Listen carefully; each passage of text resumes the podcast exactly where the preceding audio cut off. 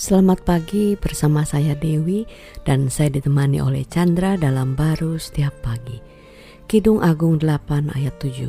Air yang banyak tak dapat memadamkan cinta, sungai-sungai tak dapat menghanyutkannya.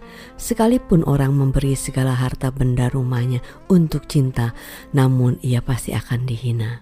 Wah ini kalau kita uh, bikin cerita namanya cinta yang tanpa batas atau artinya uh, dikatakan bahwa nggak ada yang bisa uh, memisahkan uh, cinta ini. Jadi cinta itu kuat melebihi maut istilahnya. Nah, bisa nggak kita mendapatkan itu di dunia ini ya? Ya sebenarnya ada siri cerita Romeo and Juliet aja. Orang kan uh, berpikir perasaannya begitu terpenuhi lah untuk uh, bisa disatukan di dalam dia karena cinta itu kan. Orang mau ada kasih itu sebenarnya kan yang membuat dia membarah di dalam hidupnya bergelora apa pun yang menjadi tantangannya dia nggak berasa berat aja demi hmm. untuk orang itu kan.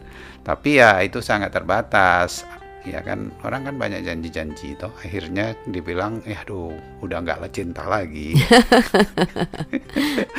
Sehingga ada sinetron mengatakan masih ada cinta gitu kan. Sudah sudah luntur kayaknya. Ya itu uh, bisa dialami ya setiap hmm. manusia ya yang mencari yes. uh, kasih itu. Tapi tidak bisa dari dia tentunya ya.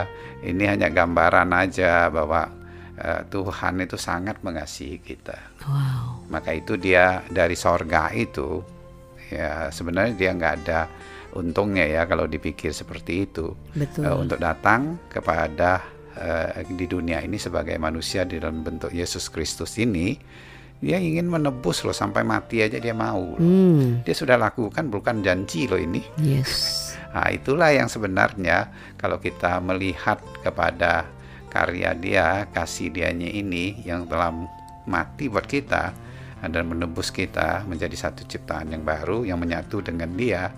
Ya kita itu uh, bukan lagi mencari ya perlu menyadari aja sehingga itu bisa kita alami di dalam satu kepenuhan yang bisa diekspresikan hmm, dengan orang-orang yang di mana Tuhan berikan dalam hidup kita. Yes. Ya, Jadi, aja sih. Tanpa uh, karya Kristus di atas kayu salib itu semua bentuk kasih atau cinta itu ya sangat terbatas ya karena mau nggak mau uh, di dunia ini mengukur atau uh, melihat uh, kasih itu sejauh matanya dan apa yang dia rasakan. Kadang-kadang perasaan itu juga bisa menipu kita kan? Kita pikir dia uh, sayang. Saya merasa dia sayang. Ternyata dia nggak sayang waktu melihat kelakuannya dia gitu kan?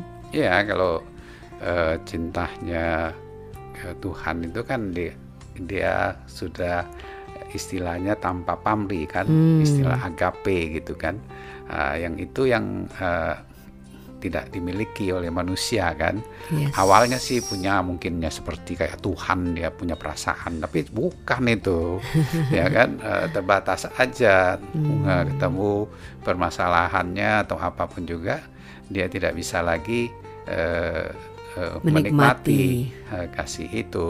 Sehingga itulah dinamakan perasaan manusia saja. Hmm. tapi Tuhan itu menembus menaruh rohnya di dalam hidup kita. Ini tuh kasih dia ya kita nggak terpisah oleh kasih dia ini.